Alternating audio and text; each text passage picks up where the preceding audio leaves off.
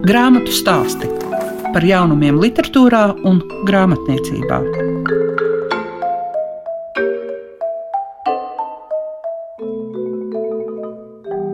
Šīs dienas grāmatu stāstos pievērsīsimies žurnālam Doma zīme ar visām novitātēm, kas saistītas arī ar dzīslu balvas laureātu, kā arī dzirdēsiet viesturu vecgrāvi pie augstā loga. Tā ir viņa monogrāfija par Jāni Poruku. Kopā ar jums liega piešiņa. Grāmatu stāsti programmā Klasika. Grāmatā stāstos mēs atvērsim jaunāko domu zīmi. Tā ir literatūra, publicistika, vēsture, bet laikam jāsāk ar uzsvaru uz dzēju. Galvenā redaktore Rudīta Kalpiņa tad arī pavērstās interesantākās lapus.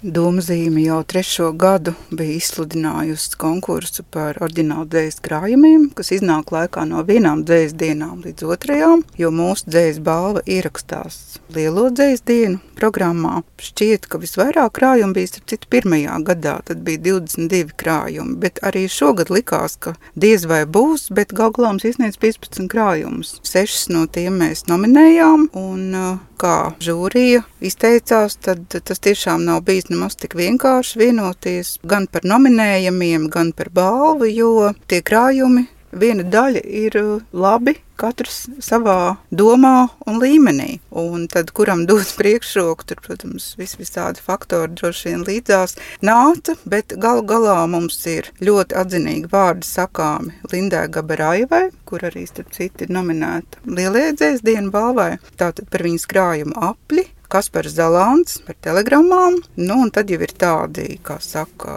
neteiksim klasiķi, bet mūsdienu dzēnieki, Ilmārs Lāpina never, Ivets Šimkus debes kruncūdeņi, Andris Ogriņš par bītas tiesu un Marts Pujāts dāma baltos džinsos. Marts Pujāts arī gal galā saņēma domzīmes dzējas balvu. Nu, ir aizvadīts trešais gads. Droši vien, ka mēs turpināsim. Ja tiks rakstīta dzēja, tad būs arī doma zīmes dzējas balva. Tomēr kāds ir tas galvenais motīvs, kāpēc? Jo tas ir diezgan liels darbs to norganizēt. Pamatā ir doma, ka arī domzīme grib piedalīties dzējas dienu programmā, un ar lasījumiem vien ir par maz. Bez tam mēs tomēr arī pazīstam literāta vidi un gribējās tieši dzējniekus atbalstīt ar vēl vienu balvu, lai ir zināma intriga, lai ir prieks, lai ir kaut kāds ieguvums, un arī lai ir iemesls sabiedrībā vēlreiz izskanēt dzējas vārdam un arī dzējnieku vārdam. Kad tu pati visbiežāk lasi dzēju? Es lasu tad, kad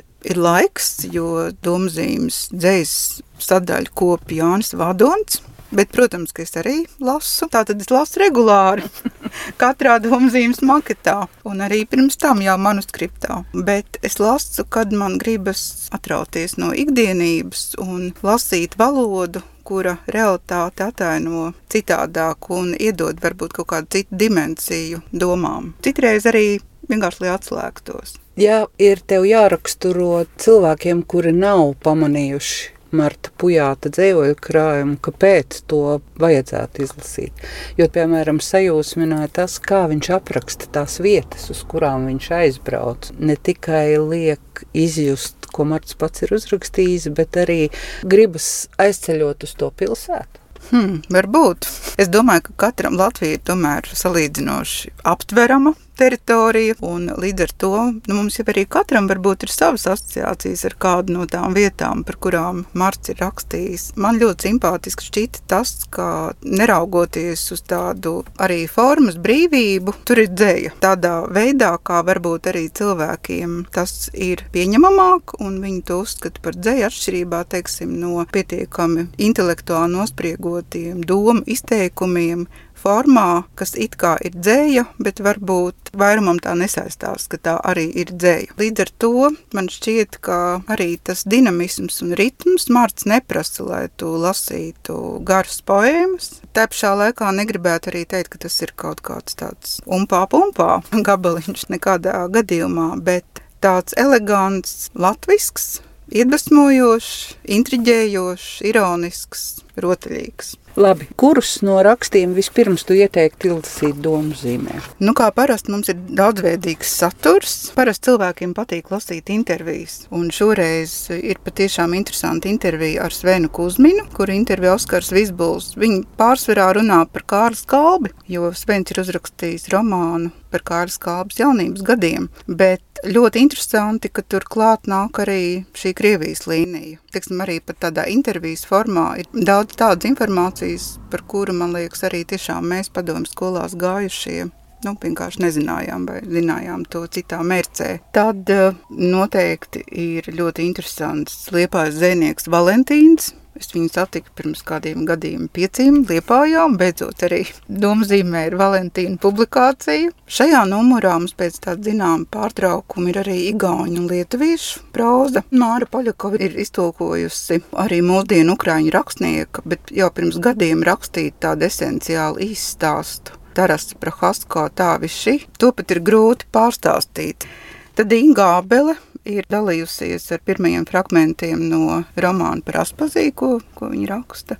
Džena Andersone ir ar diviem stāstiem, un Džena Andersone ir īpaši ar to, ka viņi raksta par uh, tādiem cilvēkiem un tādām vietām, nu, kas, teiksim, ir ārpus latviešu prozas uzmanības, kas arī ir saprotami, tas, laikam, ir saistīts ar dženas pamatdarbu.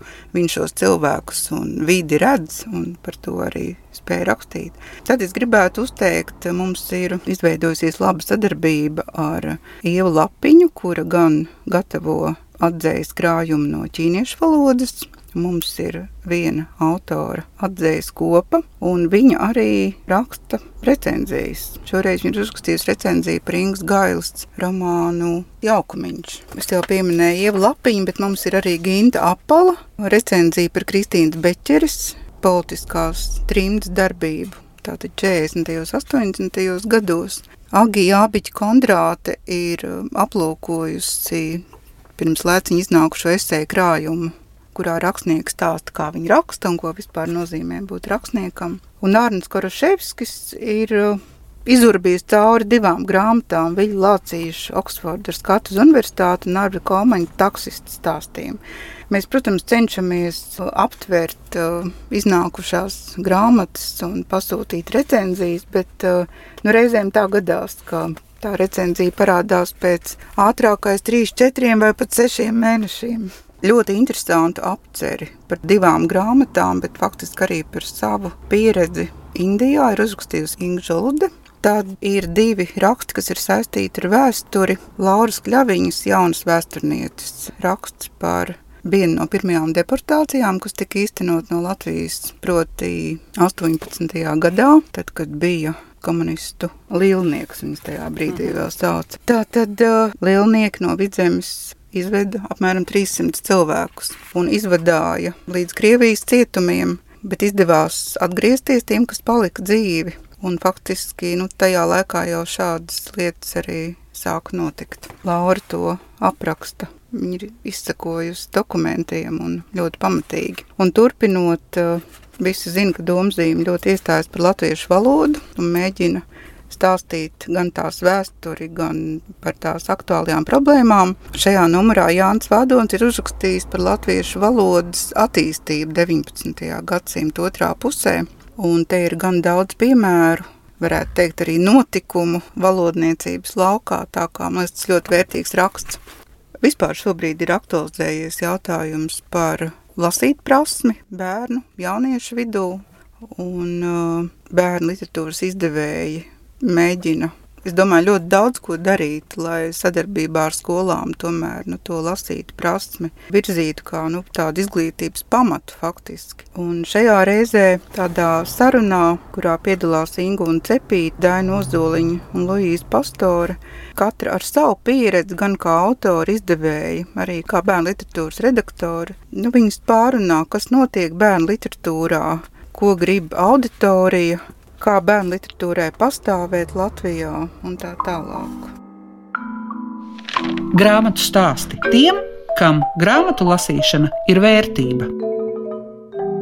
Es viesturam vecgrāvim gribu pajautāt par to, kā tas ir, kad 40 vai pat 50 gadus ir domāts par gala rezultātu, ir domāts par Jāni Poruku, un tagad nu jau pusgadu tas ir kā neatkarīgs priekšmets, kā neatkarīga būtne. Jā, nu, ko nozīmē domāt par Jāni Poruku? Nu, viena lieta, teiksim, ir 30 gadnieka, 40 gadnieka, pat varbūt 50 gadnieka priekšstati par Jāni Poruku un par literatūru vispār.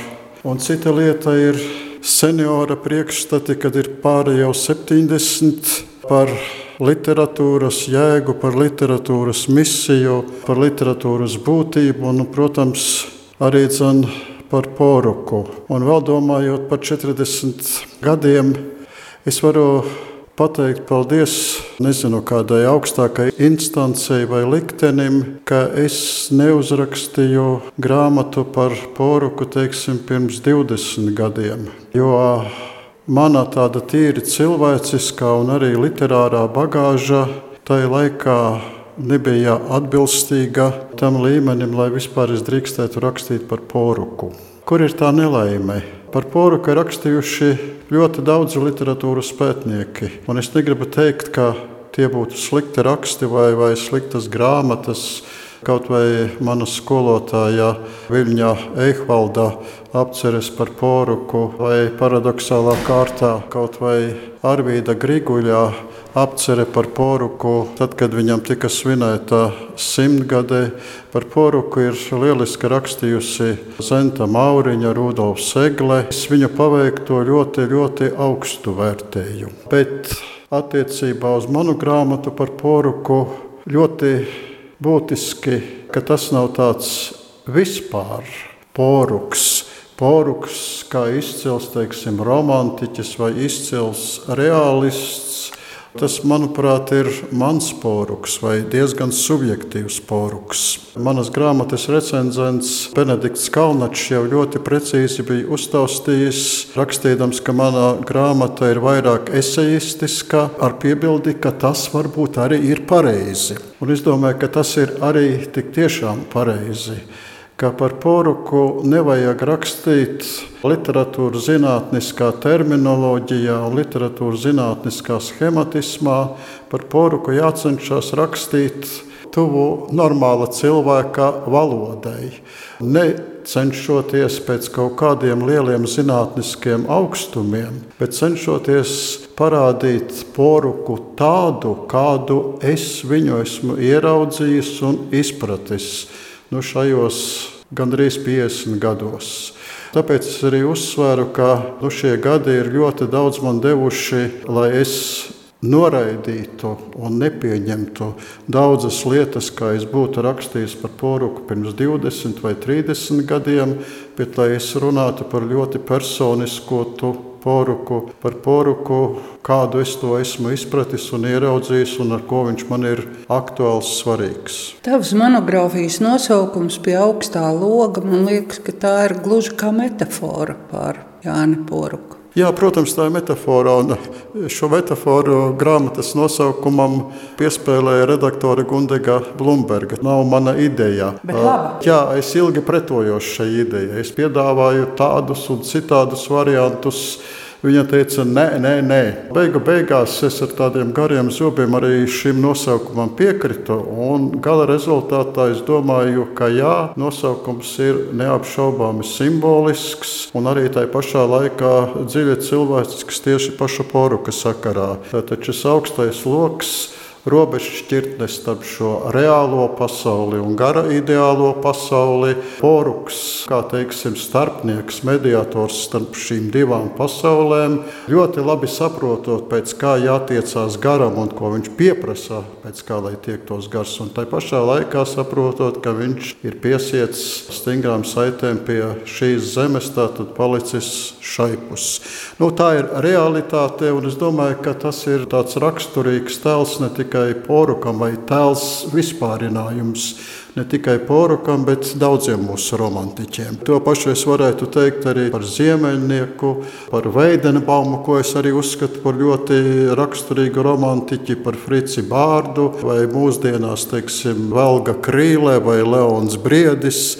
Tas ir tāds romantisks arhetips. Kā tu domā, kāpēc nepieskārās tam jautājumam, par ko tagad ir moderni rakstīt, par to, ja cilvēkam ir kādas garīgas dabas problēmas, vai tā ir pietāte pret uh, poruku, vai kas tas ir? Kāpēc? Par tiem viņa pēdējiem gadiem, kad viņš bieži vien jau domās bija citā pasaulē. Kāpēc par to nerunāja? Faktiski par to jau bija pieejamas divas samērā labas profesora Hermaņa Buduļa grāmatas, ko viņš izdeva 20. un 30. gados. Labi, viņš tajās grāmatās poruku raksturoja kā klinicists, nesaprastams, ka diezgan liela daļa no tiem darbiem, kurus viņš interpretēja kā schizofrēnijas un, un vajāšanas mānijas speciālists, respektīvi psihisko slimību speciālists, kā daļēji tā ir arī mākslinieciska izteiksme vai nu simboliska nu, jā, pārsvarā simboliska vai ekspresionistiska, un ka šo izteiksmi nevajadzētu salīdzināt ar eh, realisma spēles noteikumiem. Bet laikam jau tev ir taisnība, jā, no latviešu lasītāju lielākajai daļai laikam jau problemātiski pieņemt, ka jā, poruks slimoja smadzeņu sifilisu. To, ka šai slimībai prognoze tajā laikā bija gandrīz neglābjama, to jau viņš labi apzinājās kaut kur gadsimta sākumā. To viņš pat savai sievai dzīves biedrē izstāstīja. Viņa tam sākumā nenoticēja, bet tad, kad 1905. gadā visi tie procesi sākās, tad saskārās ar to realitātē. Mums it kā liekas, kā šis šķīstais romantiķis poruks te piepieši smadzeņu sifilisa slimnieks. Jā, bet nu, laikam jau jāņem vērā tā laikmeta reālā situācija, ka tajā laikā tās meitu mājas jau apmeklēja daudzi inteliģences pārstāvji. Francūži, spāņi, itāļi par to raksta ļoti atklāti, ja, ka tas nav nekāds noslēpums. Daudzi izcili rakstnieki ir slimojuši ar šo slimību. No Poruks ir viens no viņiem. Bet manuprāt, ka Poruka kā rakstnieka lielumam nu, tas jau nenodara nekādu ļaunumu. Jā, žēl, protams, ir tas, ja poruks nebūtu saslimis. Tad Varbūt viņš būtu uzrakstījis vēl daudzus izcilus darbus. Par to, protams, ir žēl. Bet nu, cilvēka mūžs un liktenis ir tāds, kāds tas ir bijis.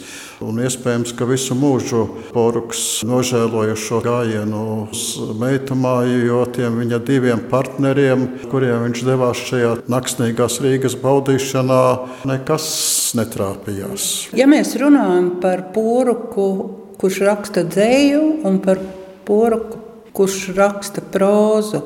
Un arī lasītāju vidū ir tā viena, kura lasa dzēju, otri lasa prózu, bet viņi neapvieno visu poruku sevī. Kā tas īsti ir? Tev ir taisnība. Un es ļoti labi saprotu šos lasītājus. Jo lielākā daļa mūsu lasītāji vairāk ir pieraduši pie tā saucamās dzīves realistiskas attēlošanas, jeb mimēzes, tas, ko teiksim, savos darbos tēlo Blaumanis, Brigadere, Andrejs Upīts. Regīna ezera. Nu, tas ir ļoti loģiski un pašsaprotami. Tā smalkā psihostruktūra, kas orientēta uz šo ideālismu, es jau domāju, ka cilvēcisko izjūtu gammā un cilvēcisko tipu daudzveidībā, nu, tā varbūt ir tikai kādi 10%, varbūt nedaudz vairāk, varbūt nedaudz mazāk. Nevar prasīt, lai lasītājs būtu vienlīdz spēcīgs realistisko darbu uztverē un tikpat spēcīgi izjustu tos romantiskos ideālismu caurstrāvotos darbus. Nu, acīm redzot, katram savs poruks izcili jau ir. Jā, To var apvienot, bet to nekādā gadījumā nedrīkst pieprasīt. Izskan grāmatu stāsti. Šīs dienas raidījumā, ko veidojas Liega Piešiņa, jūs dzirdējāt par žurnālu Domu zīmi, par jaunākā tā numuru, un arī par dzējas balvas laureātu Martu Pujātu. Kā arī dzirdējāt viesturu vecgrāvi un izjutāt viņa mīlestību pret Jāni Poruku.